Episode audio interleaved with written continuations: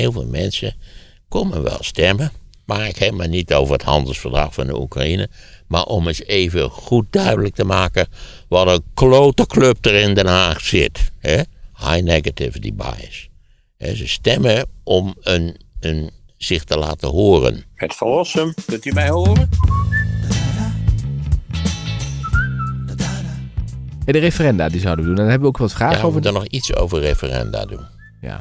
Overigens, in Frankrijk kun je inmiddels ook bij de Lidl elektrisch opladen. Dat laat eh, Rob ons nog even weten. Oh, is dat even fijn? Ja.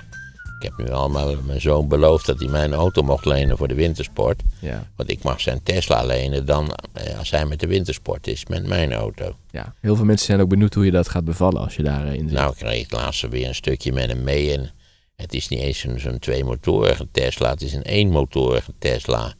Maar ja, als je op het gas drukt, dat is natuurlijk een, een speciale belevenis. Je, Ja. wordt, je wordt in de kussens gedrukt, zoals je vroeger dan. eh, ja, dat, is, dat acceleratievermogen is natuurlijk toch bij elektrische auto's. En zeker bij Tesla is dat eh, van een zeer aanzienlijke omvang. Je gaat het referendumverhaal ga je redelijk ehm, eh, eh, stevig insteken, hè? Ja, ik ben tegen referenda. En ik wil wel uitleggen waarom. Laten we vooropstellen waarom. Want in Nederland hebben we natuurlijk een lange, lange, lange referendumgeschiedenis. Want wanneer zijn we daarmee begonnen? In feite in de, in de eh, democratiecrisis van eh, de jaren zestig. We hadden natuurlijk de wederopbouw hadden we achter de rug. Die was wel klaar. De welvaart begon sterk te stijgen. Het opleidingsniveau begon sterk te stijgen. De Nederlandse samenleving, niet waar, leek ook een, een extra democratie-impuls nodig te hebben. Veel mensen vonden toch die, die eindeloze structurele meerderheid van de confessionelen in het Nederlandse parlement, dat die toch tot een soort verstarring had geleid. Het product van deze gevoelens, ik zie even af van de Boerenpartij, dat zou het verhaal bemoeilijken. Het product van deze sentimenten was D66. D66 had sterk georiënteerd op het Anglo-Saxische systeem. Dus er moesten districten komen en als het even kon een gekozen minister-president en referenda. En eh, ik zou zeggen, ik verwijs even nu naar de huidige toestand van de Anglo-Saxische democratie. En de casu Engeland, toen zeer bewonderd. Eh, met Churchill, de Tweede Wereldoorlog. Nou ja, dat was een aura van, van, van sympathie hing over Engeland. Ik zou zeggen, die aura is al lang verdwenen. Ook de Engelse democratie heeft laten zien dat die bepaald niet goed functioneert. In allerlei opzichten buitengewoon ondemocratisch is. En hetzelfde geldt voor de Verenigde Staten. Dus dat dit als achtergrond voor mijn bezwaren tegen referenda. Mijn theorie gaat eigenlijk uit van het punt dat de Nederlandse parlementaire democratie heel behoorlijk functioneert. Daarvoor heb ik denk ook wel bewijs. Eh, de Nederlandse, eh, het Nederlandse parlement reageert eigenlijk vrij scherp op ontevredenheidsverschijnselen, ongehoord enzovoort. Waar we net over gemopperd hebben, is tegelijkertijd ook wel een teken dat, dat het systeem, laten we zeggen, reageert op ontevredenheidsgevoelens. En dan is er een tweede bewijs natuurlijk voor het feit dat onze parlementaire democratie eh, toch een redelijk vertrouwen geniet van de kiezers. Waarmee aangegeven is dat het kennelijk redelijk functioneert, of dat de kiezers dat vinden. En dat is de opkomst bij onze parlementaire verkiezingen. De opkomst bij gemeenteraad, provinciale staten, euroverkiezingen. Nou, als die ergens tussen de 40 en de 50 is, dan steken we de vlag al uit. Maar de opkomst bij gewone Tweede Kamerverkiezingen is in Nederland relatief hoog.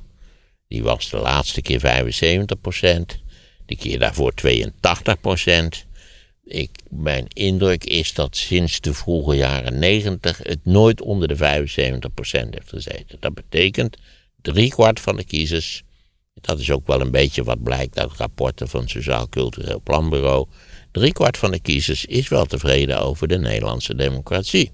Dat blijkt ook. Sterker nog, zijn vaak ook wel tevreden burgers. Sterker nog, die zijn heel gelukkig in Nederland. En dan is er een groepje is ongelukkig. Maar het, het, groepje wat echt zegt van weg daarmee, ik wil hier niet blijven. Nou ja, de bekende thematiek, dat is relatief klein in Nederland. Nooit groter dan, ja, maximaal 15 procent. Maar als je naar uiteindelijk de vaccinatiegraad kijkt, zie je dat het eigenlijk een nog kleinere groep is die zich daar blijvend tegen heeft verzet. Dus op mijn startpunt is dat eigenlijk er heel weinig reden is om te zeggen: oh, die Nederlandse democratie die, die functioneert echt zo waardeloos. Dat moet echt totaal anders. Want ja, dan zou ik zeggen, geef mij voorbeelden van landen waar de opkomst hoger is en waar het een stukken beter gaat en waar, waar veel beter naar de burgers geluisterd wordt enzovoort.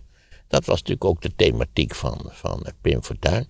We moesten beter naar de burgers gaan luisteren. Maar daarbij is altijd de vraag, wie zijn dat dan?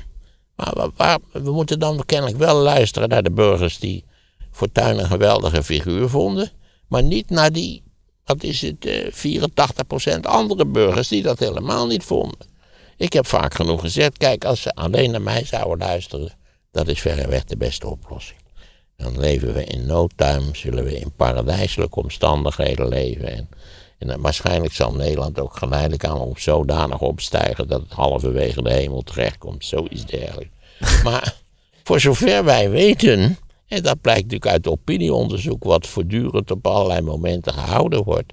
Voor zover wij meten, is die, laten we zeggen, die reflectie van die parlementaire verkiezingen een heel aardige reflectie van de sentimenten die leven onder de Nederlandse bevolking. Dus je zou, en zelfs, zelfs die ontevredenen, die eh, spreken namens al de gekke partijtjes die we, die we tegenwoordig ter rechterzijde hebben. Of, of deels de SP, die wel wat te verstanden zou kunnen, aan de linkerzijde. Dus dat, dat kan het grote probleem. Er zijn natuurlijk ook mensen die nooit komen stemmen. Daar is weinig aan te doen. Maar dat is in Nederland een relatief kleine groep die niet komt stemmen. Wat die precies zouden stemmen als ze wel zouden komen, weten we niet. Feit is wel dat met name, geloof de PVV, dat is wel onderzocht, erin slaagt om mensen te laten stemmen die normaal gesproken niet stemmen. Maar daar moet je dan weer zeggen, ja, die stemmen dan op de PVV. Wat is de PVV anders dan de opgeheven middelvinger? Stikken jullie allemaal de moord maar. Dat, is, dat is Geert met zijn, met zijn A4'tje. Hè? Of die boze praatjes bij de algemene beschouwing. Ja, je protesteert, je, hebt je, je kunt erop stemmen, maar je hebt er niks aan. Het Hij betrekt die groep wel bij het politieke proces. Dat zou je kunnen zeggen, maar op een heel negatieve en uiteindelijk weinig werkzame wijze. Dat moet je dan tegelijkertijd constateren.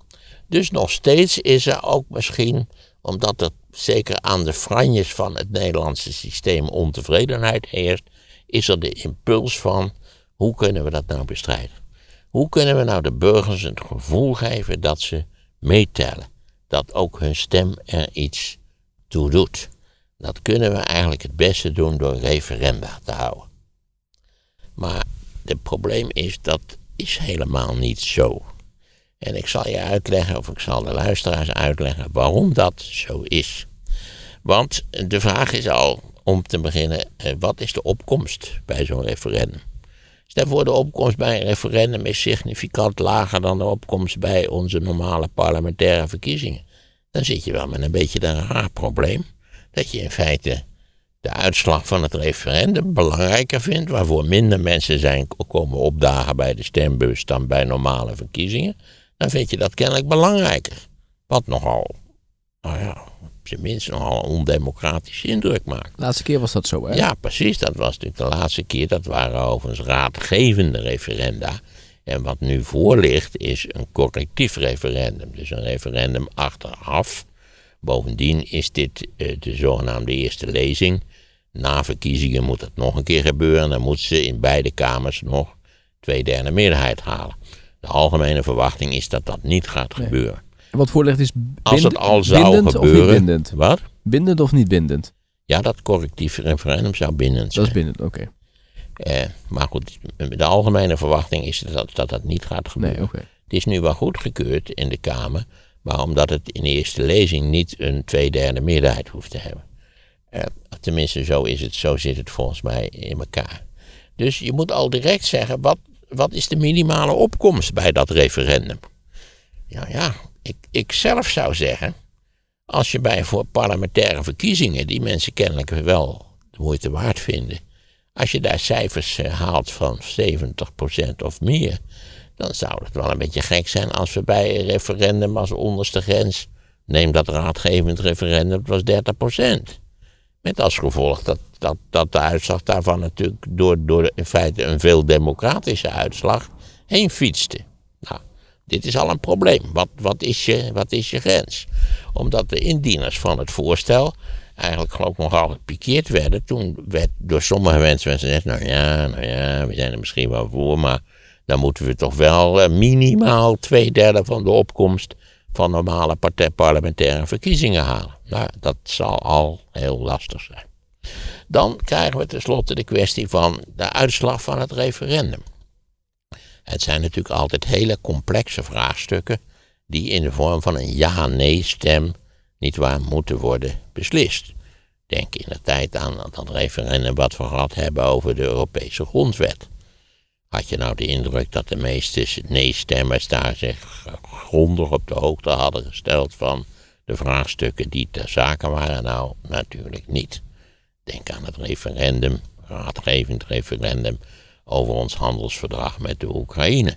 Waarbij de opkomst, de minimale opkomst 30% was. De opkomst was daadwerkelijk 31% of 32%. 60% heeft tegengestemd.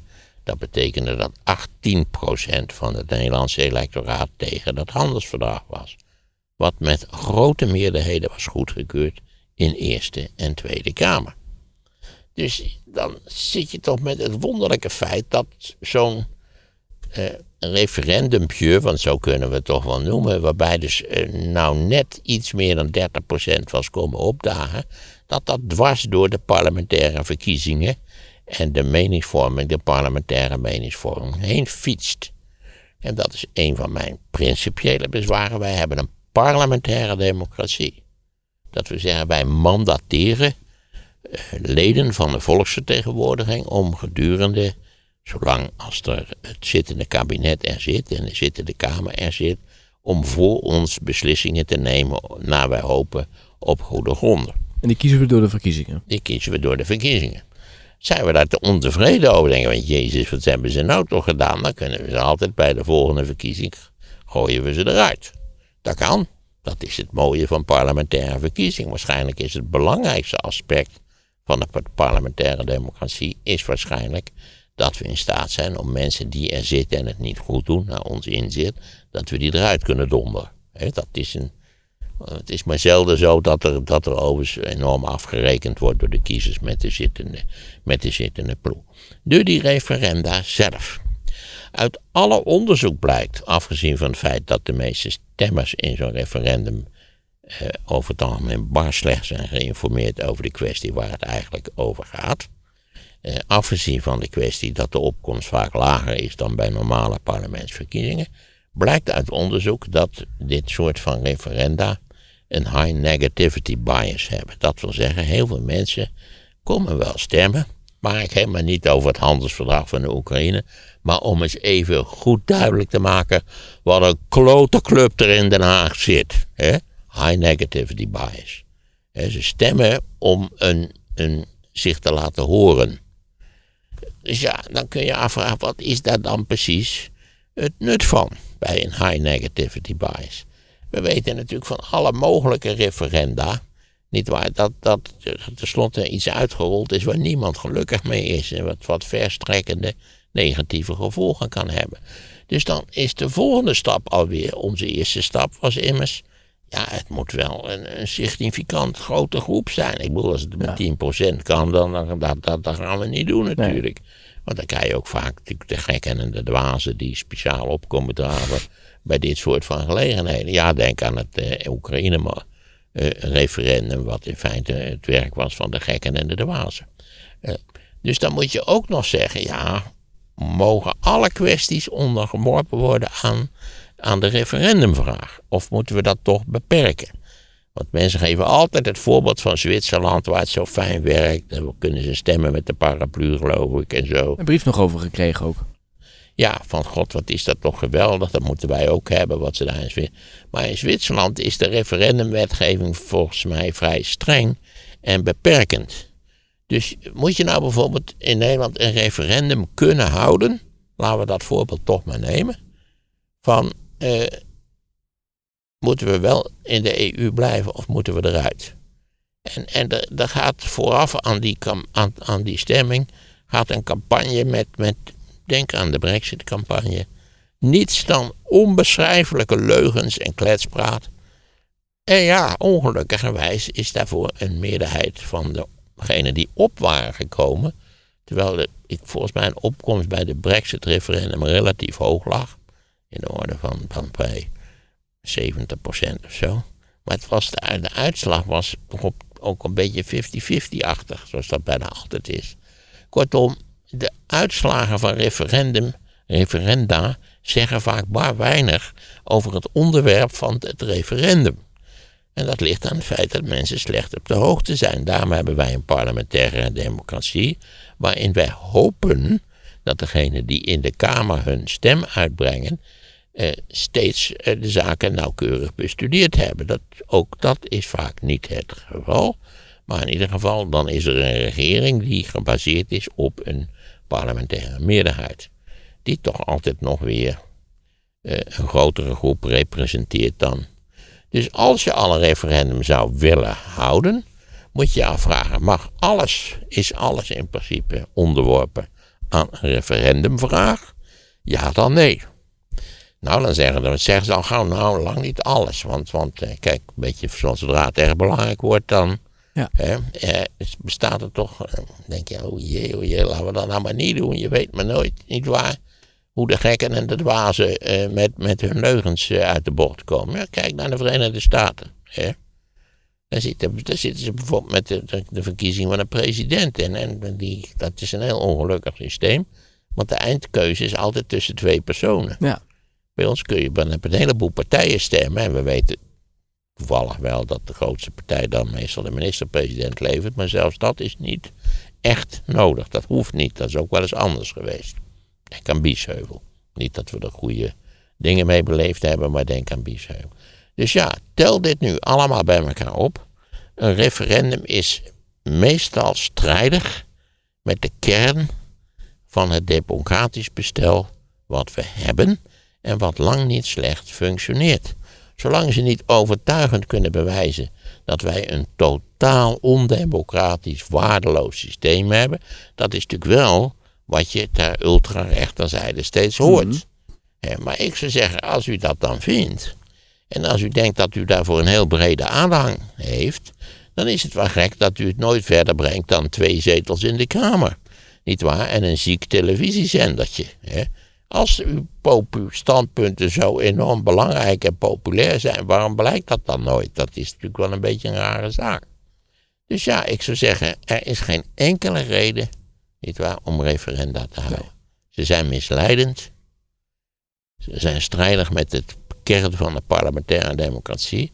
Het is ook al een interessant feit dat dit voorstel, wat mevrouw Leijten verder een uitstekend parlementslid, maar oké van de SP, eh, verdedigd heeft, is strijdig met de grondwet. Moet zij toch weten eigenlijk? Jawel, maar daarom, is, daarom moet het ook, de grondwet moet veranderd worden om dit referendum, dit correctief referendum mogelijk te maken. En wie bepaalt het of dat gebeurt? Uh, dat, weet ik niet. Er zal ongetwijfeld een fantastische commissie voor zijn. Maar het is strijd nogmaals. Onze, wij hebben een parlementaire democratie. Die is gegrondvest op specifieke principes. Een referendum fietst daar altijd doorheen. Dus wat zij wil kan niet? Nou ja, dat kan wel, want het zou best kunnen dat het tenslotte aangenomen wordt. Al heb ik begrepen dat de kansen niet verschrikkelijk groot zijn. En dan heb ik dus ondertussen nog gezwegen van eh, een, een districtenstelsel. Wat werkelijk grondig ondemocratisch is. want je zult maar in een district wonen waar, uh, waar de VVD al, al 100 jaar de grootste partij is. Dan kun, dan kun je wat thuis blijven als je van een enige andere partij bent. Je stem telt niet mee. Je stem telt niet. En denk, en voor, ik zwijg nog van gerommel met de grenzen van districten, zoals in de Verenigde Staten. als er één democratie is die wel heel weinig democratisch functioneert, dan is het wel de democratie in de Verenigde Staten, die wij zo bewonderend bekeken hebben, geheel onterecht in de loop der jaren. En nou, wat heb je dan nog meer? Eh, de gekozen minister-president laat, eh, laat God verhoeden dat we een gekozen minister-president krijgen. Dat leidt altijd tot polarisatie. Altijd. Hoezo? Je pakt het, kijk maar waar, waar presidenten gekozen worden. Het is allemaal 50-50-achtige verkiezingen. Hè, de, degene die het wint krijgt 53% En degene die het verliest krijgt 47% Dus doe het niet. Nee. Dat is het fijne van ons systeem is dat je een coalitieregering nodig hebt... waar tegenwoordig minimaal vier partijen in moeten zitten. Ja. En je bent eigenlijk al vertegenwoordigd door degene op wie je stemt. We zijn prima vertegenwoordigd. Ja, ja, er wordt natuurlijk gezegd, in, in, vooral in districtenstelsels, dan weet je wie je volksvertegenwoordiging is. Ja, dat is al een heel raar soort van weten, omdat het voor, nou, zeer waarschijnlijk is dat je nooit voor die klerenleier gestemd hebt. Ja. Je weet dat dus de huidige Tory-party, de huidige Tories op dit moment, een zeer ruime meerderheid hebben in het lagerhuis. Weet je met hoeveel procent van de stemmen die ruime meerderheid gekozen is? Iets boven de 40 procent. Hè? ja.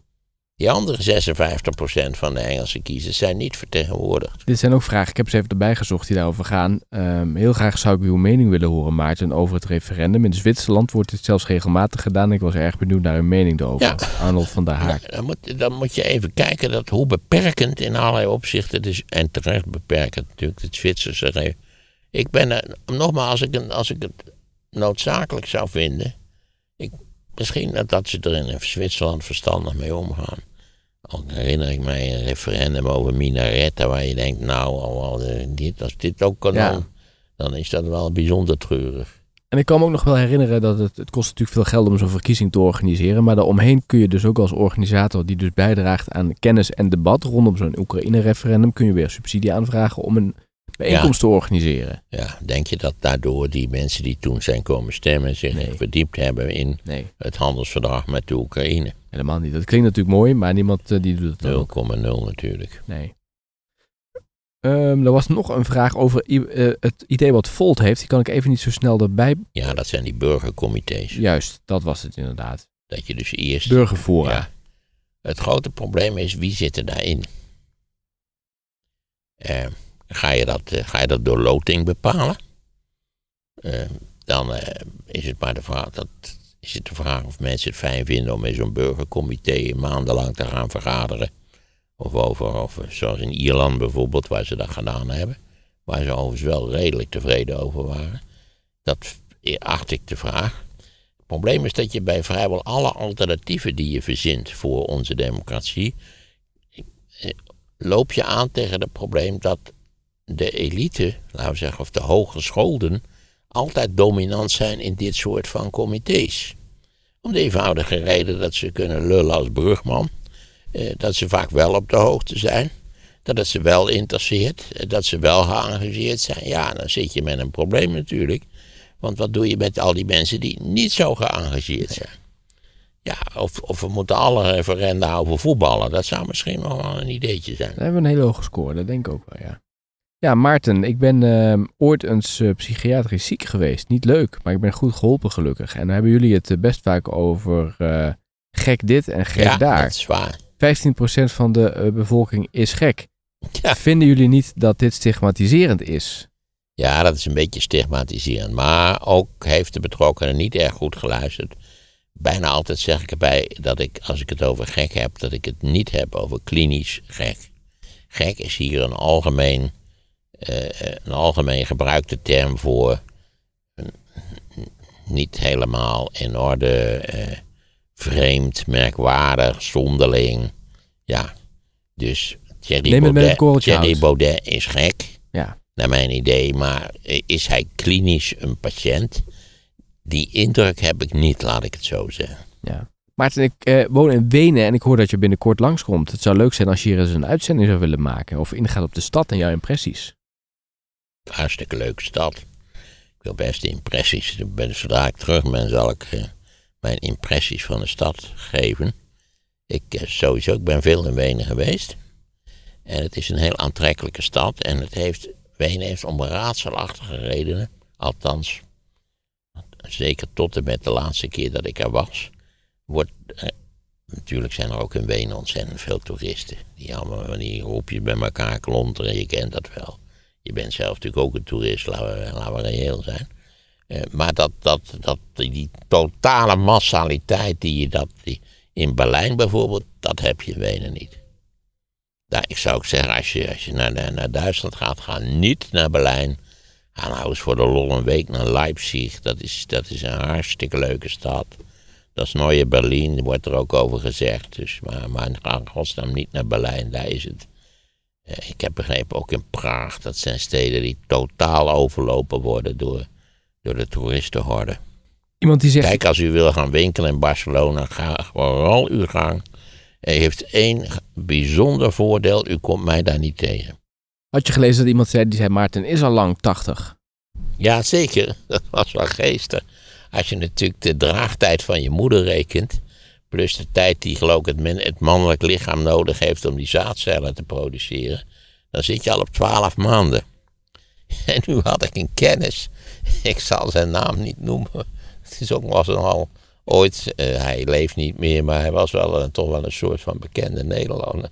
Maar die kennis zei altijd van ja, eh, ik, ik ben helemaal geen, hij was overigens eh, enorm oud geworden in de 90. Ik, ik ben helemaal niet 91, ik ben al lang 92. Want ja, als je dat, eh, als je de, de, de zwa- de zwangerschap erbij telt en, en, en al die andere dingen, dan, dan, komt er gewoon een jaar bij. Dus hij was altijd eh, gepikeerd als je zei van gefeliciteerd met je 91ste verjaardag. Nee, helemaal niet. Ik ben toevallig al 92 jaar ben ik een levend wezen. Dat, het is volkomen juist, maar ja, wat zal ik ervan zeggen? Zullen we voortaan zeggen dat ik eigenlijk al lang 80 ben? Jij, jij redeneert zo zelf niet, denk ik, toch? Jij, Nee, jij pakt nee, vanaf de nee. geboorte. Nee, kan me eerlijk gezegd niet zo verschrikkelijk veel schelen. Hoe was het feestje vorige week in het kasteel? Hartstikke leuk. Ja.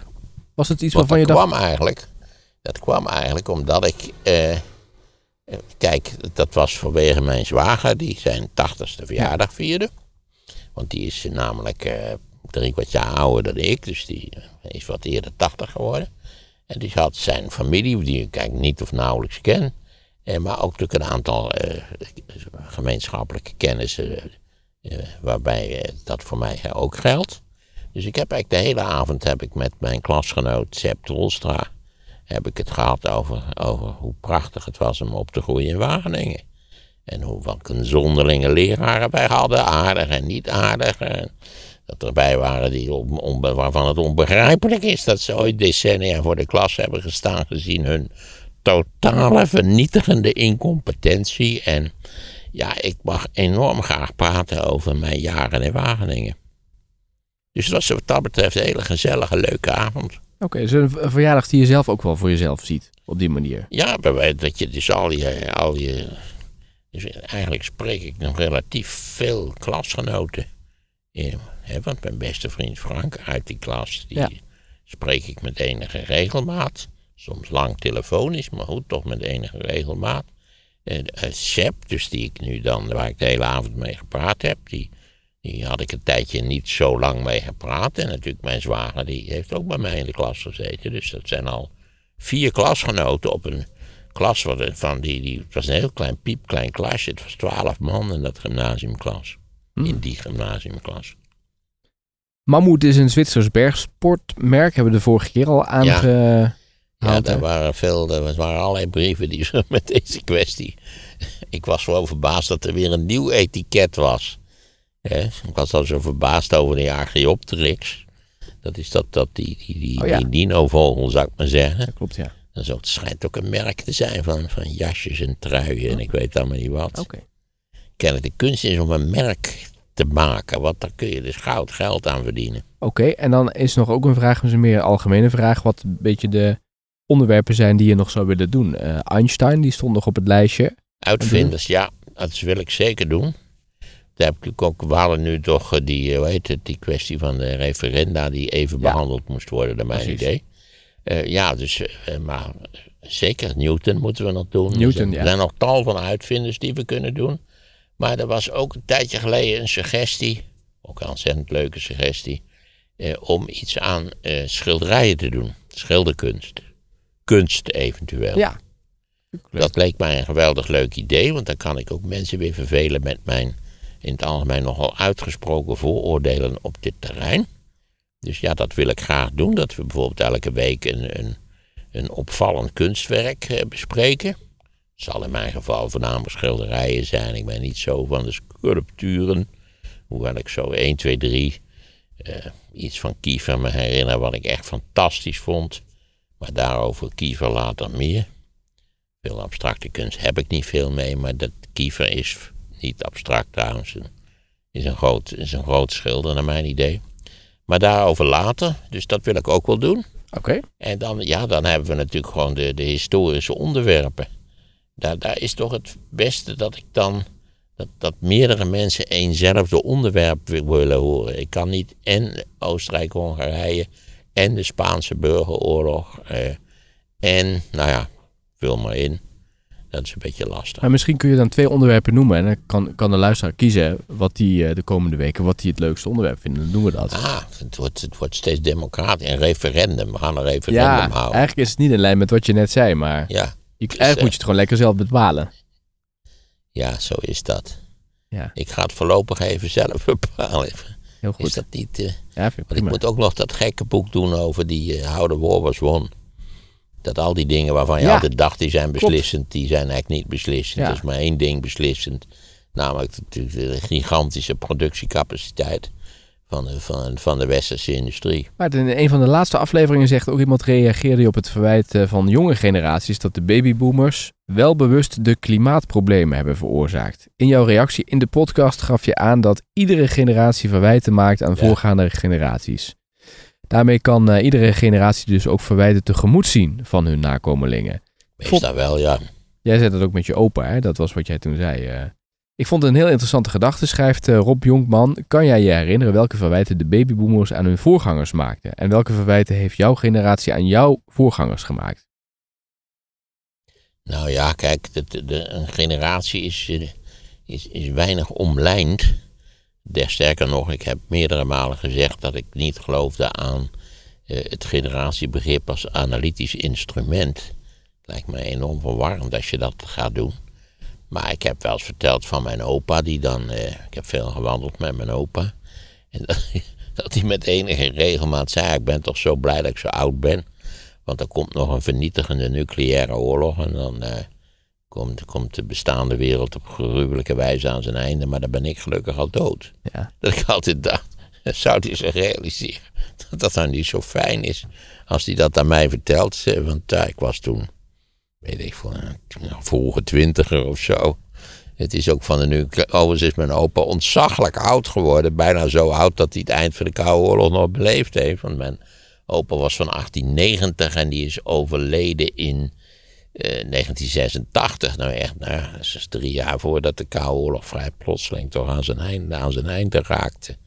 Eh, ja, je komt natuurlijk aan- ten aanzien. Kijk, eh, het, het probleem dat is dat de generatie van mijn opa's, die allebei van de late 19e eeuw waren, kun je zeggen, ja, Eerste en Tweede Wereldoorlog. Eerste en Eerste Wereldoorlog, maar ja, dat, de veroorzakers van de Eerste Wereldoorlog, dat is al een generatie die geboren was, nou ja, ik denk 1850 of zo zit je dan al, eh, wil je een leidende politicus zijn in 1914. Maar je zou mijn opa's kunnen zeggen, dan eh, goddomme nog een Tweede Wereldoorlog veroorzaakt ook. Maar ja, in Nederland valt dat niemand te verwijten, want ja, wij waren neutraal in de Eerste Wereldoorlog en hebben geen beslissende rol bepaald gespeeld in de Tweede Wereldoorlog. 0,0. Eh, Dus daar, moet, daar zou je dan dus de, de, de Duitse generatie van die leeftijd voor, voor aan moeten spreken. maar ken je verwijten? Ja, volgens mij heeft dat in, in- zeker in de jaren 60, bij de, bij de, zeg maar de opkomst van een eh, radicale studentengeneratie, een belangrijke rol gespeeld. Dat zij dus de daarvoor, daaraan voorafgaande generatie hele zware verwijten hebben gemaakt. Eh, Met die oorlog, met de holocaust, eh, eh, antisemitisme. Nou ja, dat, dat, dat, iedereen was mede schuldig. Ja. Wat ook weer een lastig vraagstuk is. Wie, wie is mede schuldig? Ben je alleen mede schuldig als je ooit op de NSDAP hebt gestemd? Ben je mede schuldig als je ooit gewoon eh, de, Hitler goed gebracht hebt? Eh, ja, dat is een. Wat is medeschuldigheid in dit soort van, van kwesties? Maarten, ik moest erg lachen om de wandelervaring die je hebt, die je hebt gedeeld in de Verenigde Staten. Deed me ook denken aan een vergelijkbare ervaring, eh, schrijft Gerry uit de Dronten in een supermarkt in Amerika. Ik kocht daar een paar dingen voor een eenvoudige, doch voedzame lunch. En toen ik dat op de loopband bij de kassa legde, toen keek de cashier mij wantrouwig aan en die vroeg, wat is dit? Iemand die geen winkelwagen volstout met ongezonde shit, dat bestaat niet in de VS. Net zo min als iemand die wandelt. Hartelijke groeten van Gerry. Dat zou best kunnen, ja. Nee, sowieso zitten Amerikaanse supermarkten anders in elkaar dan, dan bij ons. Ten eerste hebben ze vaak ook een, een plantjesafdeling. Oh, dat heb je hier ook wel af en toe. Ja, de Albertijn ook. ja, maar de plantjes in Amerika, dat is van een droevigheid. Dat het onbegrijpelijk is dat iemand nog bereid is om voor zulke lullige plantjes een, Oh ja? een geldbedrag neer te tellen. Ja. Het is ook zo, als je in Amerika bij, bij, bij mensen gaat eten, je brengt, brengt een bosje bloemen mee. Eh, ik, ik, in York kocht ik wel eens een bosje tulpen als ik ergens ging, ging eten. Nou, dat, dat was ook, ik geloof dat het wel 12,5 dollar kost of zo. Toen was een dollar ook nog prijzig vergeleken. Terwijl, ja, wat kost bij ons een flinke bos tulpen bij het scheiden van de markt op Janskerkhof? Volgens mij 3 3,75 euro maximaal. Nou, ze waren er diep onder de indruk als je een bosje bloemen meebracht. Vaak stond het trouwens bij tulips from Holland. Ik ben er gewoon ingevlogen. Ja. Dus ja, en, en dan wat is ook zo gek, die eh, salad dressings. In Amerika heb je echt 10 miljoen salad dressings. Toen wij in Duitsland gingen wonen, we hadden om de hoek een Kaufhof. Oh, dat je, dat, daar hadden ze een vitrine. Echt tot, van hier tot aan het eind van de straat. Met, Met veel vlees, vleeswaren. Ja, dat zei je. Ja. Jongen, jongen, jongen. Had ik dat al verteld? ja, vorige week zei je dat, ja. Het was echt... Ging je ook naar de Brouwhaus? Nee, nou, ik ben in eh, München ben ik meerdere malen in... Nou ja, het fameuze brouwhuis. eh, bier gaan drinken waar Hitler, eh, Hitler vaak gesproken heeft. Ja, maar, eh, Maar gewoon uit de hoofden van ons eh, historische reisje. ja. Eh, Is daar nog iets van te zien daar? Of, of hebben ze dat verdrongen? Volgens mij wordt het ook, eh, ja, wordt wel duidelijk gemaakt dat dat daar was. Dat het een historische eh, locatie was. Maarten, ik, eh, de verkiezingen komen natuurlijk weer aan. Ik ben net zoals u een zwevende kiezer. En als jongere zou ik graag mijn stem goed gebruiken. Maar ik heb echt helemaal geen idee wat ik moet gaan stemmen. De stemwijzer zegt BBB. Maar ik weet dat eh, u ook over deze partij een mening heeft. Heeft u een advies voor een kiezer zoals mij, zegt eh, Jan Zetstra. Ik zou niet op de BBB-club stemmen. Om een eenvoudige reden dat het uiteindelijk een single-issue partij is. Die, die zeg maar bij één eh, kwestie werkelijk bezighoudt. Eh, namelijk dat eh, die partij vindt dat de agrariërs slecht behandeld worden en dat dat anders moet. En dat het stikstofprobleem eigenlijk helemaal niet zo erg is als iedereen beweert. Ik zou zelf altijd stemmen op een partij die in ieder geval getoond heeft ook bereid te zijn tot het compromis, tot concessies, eh, om daardoor bij te dragen aan het bestuur van het vaderland. Het woord vaderland is wel een beetje eigenaardig, maar goed.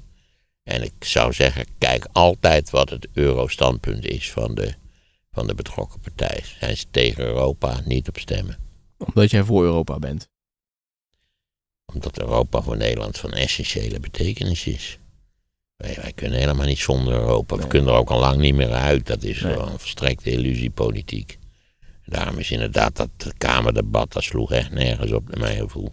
Magnetische straling is niet gevaarlijk, dat wordt ook gezegd. Dat ging over die man met die Tesla. en Die weet je wel met die Ja, batterij. dat ging over die dat Tesla als, als eh, meeteenheid. Ja, Eh, ik heb daar te weinig verstand van om daar iets verstandigs over te zeggen. ja. Kijk, bij, bij al die opmerkingen over ongezond voedsel, levensgevaarlijke straling, gruwelijke parasieten, nou, tel het allemaal bij elkaar op, zit je met het probleem dat de te verwachte levensduur eh, nog steeds stijgt. Dus dat op een of andere manier toch het leven voor Homo sapiens, althans in Nederland, eh, nog steeds eh, gunstiger wordt. ja, precies. Misschien moet ik maar eens een schilderij uitzoeken. Ja, vind ik leuk, een schilderij. Ja, het moet, het moet wel ook weer een beetje een, zeker een lichte treiterwaarde hebben natuurlijk. Dat mag. Ja, alles mag. Alles Ja, kan. want ik, god, ik had natuurlijk iets willen zeggen over de Vermeer tentoonstelling. Want dat was enorm prominent in het nieuws. Nu? Ja. M. van Rossum gaat niet naar de Vermeer tentoonstelling. Ik vind het hele idee van de blockbuster tentoonstelling vind ik ronduit weerzinwekkend. Want dat betekent ook dat er met al die hele kwetsbare schilderijen enorm gesleept moet worden. He, ze ook de verzekeringspremies alleen al lopen in de tientallen miljoenen. Elke serieuze museumbezoeker, elke serieuze liefhebber van schilderkunst, heeft het overgrote deel van die Vermeers alles gezien onder heel wat prettigere omstandigheden dan nu gaan heersen in dat Rijksmuseum. Wat idioot vol zal zijn. Echt, echt. Zoals ook bij die laatste tentoonstelling, wat was het, de late Rembrandt. Verschrikkelijk was het, verschrikkelijk gewoon. Wie wil daar nou heen? Niemand. Een, een, museum moet rustig zijn. Een museum moet ook contemplatie mogelijk maken. Het moet niet zo zijn dat je moet schoppen en trekken en duwen en vloeken om überhaupt zo'n doekje aan de wand eh, te kunnen benaderen. je moet er rustig voor kunnen staan. Je moet terug kunnen lopen. Dus het, het, het is een, een, abominatie, die blockbuster tentoonstelling. Alleen, niet waar, voor de, voor de status van zo'n museum. Het, het is er zou onmiddellijk een eind moeten worden gemaakt aan dit soort van tentoonstellingen. Het is ook veel interessanter om die Vermeers te zien hangen in een bredere collectie van 17e-eeuwse Nederlandse schilderkunst. In plaats dat je ineens vrijwel alle Vermeers, nietwaar, bij elkaar ziet hangen. Waarbij ik erover op wijs dat, dat volgens velen de belangrijkste Vermeer in Wenen hangt, in het Kunsthistorisch Museum. Waar je hem heerlijk rustig kunt bekijken. Er is vaak in dat deel van het museum geen kip te zien, nietwaar, en die komt niet. Dus die ga ik nou lekker bekijken begin april als ik in Wenen ben. Wanneer start dit in, uh, in het Rijksmuseum? Op korte termijn volgens mij. Oké. Ik vind ook het hele idee dat ik mij digitaal aan moet melden en dat er een een, soort van gat is, een digitaal gat waarin ik dan kan komen. Ik zeg, houd op met blockbusters.